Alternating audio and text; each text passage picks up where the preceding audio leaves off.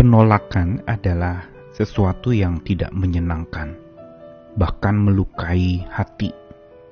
Apalagi penolakan itu dilakukan oleh orang yang kita berharap ia menerimanya, atau ditolak oleh orang yang kita pikir dia sudah dekat, bahkan punya hubungan yang erat dengan kita. Dan penolakan inilah sebenarnya yang bukan saja melukai hati dan menyakitkan, tetapi juga menyebabkan seseorang menjadi merasa tertolak, menjadi jerak atau trauma untuk lalu kemudian menjalin hubungan lagi. Namun, orang yang punya mata iman yang kuat, ketika dia mengalami sebuah penolakan, sesungguhnya ia akan tetap bangkit dan tidak pernah merasa tertolak.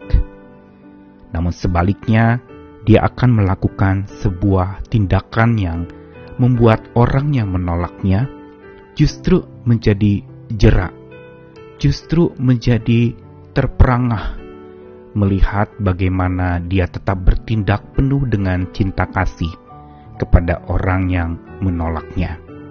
Ada sebuah pepatah mengatakan rejection is redirection. Ketika penolakan itu terjadi, sesungguhnya kita sedang diarahkan ulang kepada fokus dari tindakan kita, yaitu fokus kepada sebuah tindakan kasih yang tanpa syarat, mengasihi yang bukan untuk diterima, tetapi mengasihi tetap dinyatakan sekalipun tidak diterima, sehingga tidak ada lagi yang namanya merasa tertolak, walaupun ditolak. Saya Nikolas Kurniawan kembali menemani di dalam Sabda Tuhan lagi. Hari ini dari Injil Yohanes, dua bagian. Yang pertama adalah Yohanes pasal yang pertama ayat yang ke-10 sampai 12. Ia atau Tuhan telah ada dalam dunia dan dunia dijadikan olehnya tetapi dunia tidak mengenalnya. Ia datang kepada milik kepunyaannya, tapi orang-orang kepunyaannya itu tidak menerimanya. Tetapi semua orang yang menerimanya diberinya kuasa supaya menjadi anak-anak Allah, yaitu mereka yang percaya di dalam namanya. Bagian kedua dari Yohanes 12 ayat 46 sampai 48. Perkataan Yesus, Aku telah datang ke dalam dunia sebagai terang, supaya setiap orang yang percaya kepadaku jangan tinggal di dalam kegelapan. Dan jikalau seorang mendengar perkataanku tapi tidak melakukannya, aku tidak menjadi hakimnya.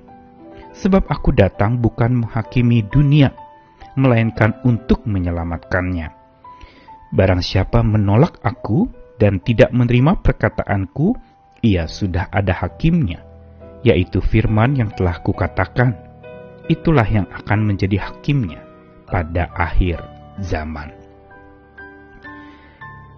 Injil Yohanes diawali dengan sebuah pernyataan tentang firman yang menjadi manusia, atau Allah yang datang ke dalam dunia ini untuk menyelamatkan manusia dalam wujud manusia. Karena bagaimana mungkin Allah tanpa jadi manusia bisa menyelamatkan manusia. Justru dia memilih cara dengan menjadi manusia agar manusia yang lain di bumi ini dapat terselamatkan. Ini adalah sebuah karya ajaib dari kasih ilahi yang dinyatakan. Namun ada catatan di dalam Injil Yohanes pasal 1 tadi bahwa Tuhan sebenarnya telah ada dalam dunia ini dunia yang dijadikannya itu tetapi dunia tidak mengenal yang menjadikan dunia itu. Dan Tuhan juga sudah datang kepada milik kepunyaannya tetapi orang-orang kepunyaannya itu justru menolaknya, tidak menerimanya. Dan ini dikatakan juga di dalam Yohanes pasal 12, Yesus dengan tegas mengatakan bahwa dia sudah datang ke dalam dunia sebagai terang supaya setiap orang yang percaya kepadanya tidak hidup lagi dalam kegelapan.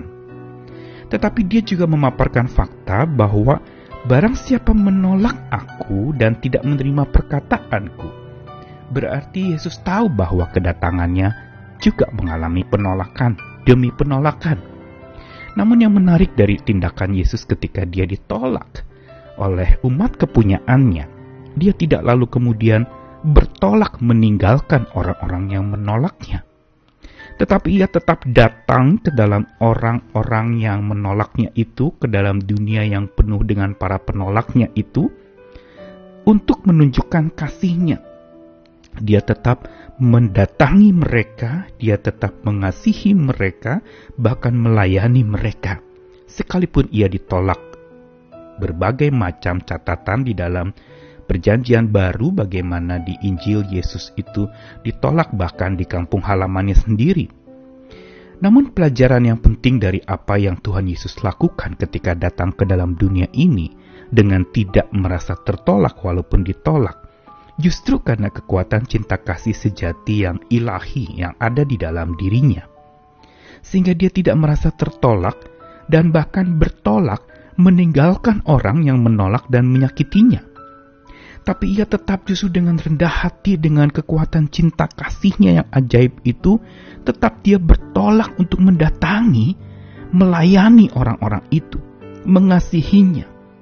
Dan inilah kebesaran cinta kasih sejati yang ilahi yang Tuhan Yesus peragakan buat dunia ini. Apalagi di masa Natal ini kita sedang diajak untuk terus merayakan akan kedatangan Tuhan namun ada fakta yang tidak pernah bisa kita pungkiri bahwa kedatangan Tuhan Yesus mengalami penolakan habis-habisan, mengalami berbagai macam perdebatan yang terus-menerus dipertanyakan tentang keberadaan Yesus itu yang disebut sebagai Tuhan dan Anak Allah. Tentu saja ini menjadi sebuah pekerjaan rumah buat setiap orang percaya untuk justru memegang iman yang teguh tentang siapa yang datang itu. Dia yang datang yang pernah ditolak, dia tidak pernah tertolak. Karena cinta kasihnya yang ajaib itu justru membuat dia bertolak dari surga datang ke dalam bumi ini, ke dunia ini, untuk menyelamatkan dunia ini. Apa yang kita rayakan di dalam Natal kali ini bukan merayakan penolakan Tuhan, tapi justru merayakan bagaimana Tuhan yang bertolak dari tempat maha tinggi turun ke bumi yang paling rendah untuk dia lalu kemudian menghampiri para penolaknya, mengasihinya luar biasa, membuktikan cintanya. Dia tidak lalu kemudian pergi meninggalkan para penolaknya. Inilah sebuah deskripsi berkaitan dengan apa yang dia ajarkan. Kasihilah musuhmu. Dan Yesus melakukannya ketika dia datang ke dalam dunia ini dalam kerendahan hatinya, dalam sosok bayi yang tidak berdaya, Justru kekuatan mahadaya kasihnya itu terpancar luar biasa lewat kelahirannya. Dia tidak pernah merasa tertolak, tapi dia tetap datang menghampiri dan mengasihi, bahkan mengasihani para penolaknya.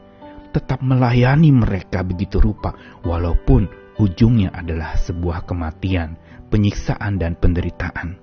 Inilah kasih ilahi yang harusnya kita pegang teguh di Natal kali ini tertanam dalam-dalam di hati kita dan terpraktikkan di dalam kehidupan kita hari lepas hari. Kebesaran cinta kasih yang tetap menunjukkan cinta sekalipun kita ditolak oleh orang yang kita cintai itu. Tetaplah mencintai, tetaplah peragakan kasih Tuhan itu. Jangan hanya Natal menjadi sebuah perayaan cinta kasih ilahi, tapi merupakan sebuah peragaan cinta kasih ilahi itu dan Natal kali ini biar kita memperagakannya dalam hidup kita bersama, di tengah-tengah keluarga, di tengah-tengah lingkungan, di mana pun kita berada, kepada orang-orang yang menerima kita, juga kepada orang-orang yang menolak kita. Tetap tunjukkanlah kasih dalam bentuk pelayanan yang dalam, dalam bentuk perhatian yang kuat, dalam bentuk kasih yang luar biasa merangkul, memeluk dan memberikan kehangatan cinta Tuhan melalui hidup kita. Selamat merayakan Natal, selamat memperagakan kasih Kristus dalam hidupmu. Amin.